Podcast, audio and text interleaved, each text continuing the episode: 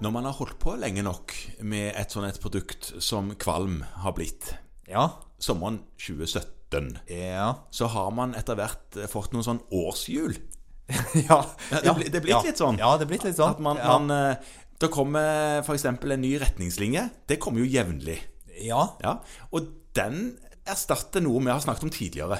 ja, ofte er det jo sånn, for det vi prøver å snakke om de retningslinjene som faktisk kommer. Ja. Ja. Og det gjelder kols, det gjelder diabetes, det gjelder hjertesvikt og kroniske lidelser generelt. Da Ja. er jo noe av det vi har sagt før, når vi har snakket om retningslinjer, utdatert. Ja, Og de podkastene ligger jo der. Um, og de blir ikke sletta. Nei, de gjør ikke det, altså. De er alltid mulig å finne.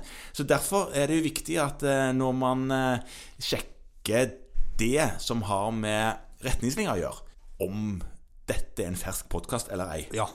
For det vi skal snakke om nå, er en ny retningslinje innen noe lungegreier. Ja, nå har Helsedirektoratet publisert ny retningslinje for kols.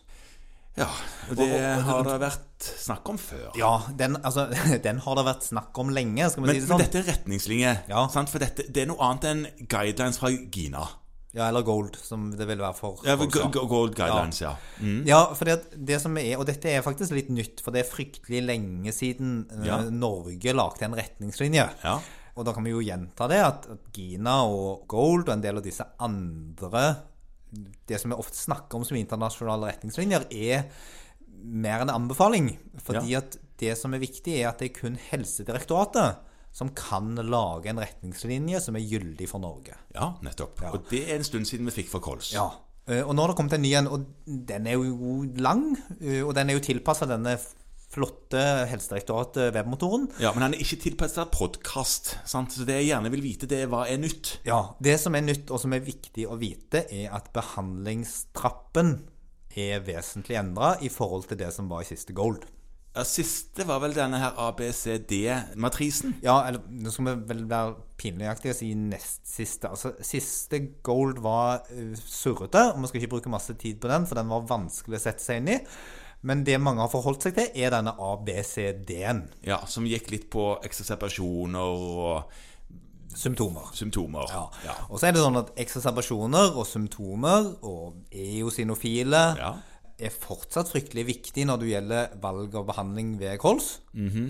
Men nå er det blitt en slags behandlingstrapp. Og det er jo sånn man husker det fra ja, da vi to gikk på doktorskolen, Ja. egentlig. Ja. Og så er ikke rammene for podkasten sånn at vi skal forklare akkurat hvor i trappen folk hører til osv. Nei. Eh, Denne må man nesten se foran seg, og det er en fin sånn flytskjema som ligger inne på Helsedirektoratet sine sider. Men det er fortsatt de samme parametrene som er viktige å forholde seg til. Ja. Ja. Og så har de faktisk i den nye retningslinjen tatt inn enda viktigere dette som vi har snakket om før, med årskontroll. Altså sørge for systematisk oppfølging av disse pasientene.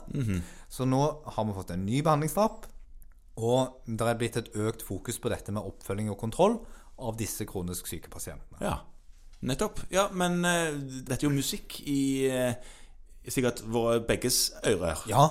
for det, er jo dette med Ehm. årskontroll har jo vi vært en forkjemper for over tid. Ja, og så er det bare å si som det er hver gang noen lager en flott ny behandlingsalgoritme. Ja. Unnskyld. Unnskyld? Eh, Ja, fordi at det er vanskelig i starten å sette seg inn i hvordan denne skal brukes i hverdagen. Ja. Eh, Så det må man bruke litt tid på. Enten så får man gå på noe kurs, eller snakke med noen folk som har brukt masse tid på det. Ja. For det tar litt tid å venne seg til en ny algoritme, akkurat hvordan den funker i hverdagen. Men i sum så Mm. går det an å håpe at dette blir enklere når man skal forholde seg til en trapp istedenfor masse bokstaver. Ja, og mm, heldigvis er det ikke kommet veldig mye nye medisiner, men det tar jo aldri lang tid før det kommer nye kolsmedisiner heller. Så, Du får nok høre om det igjen. ja.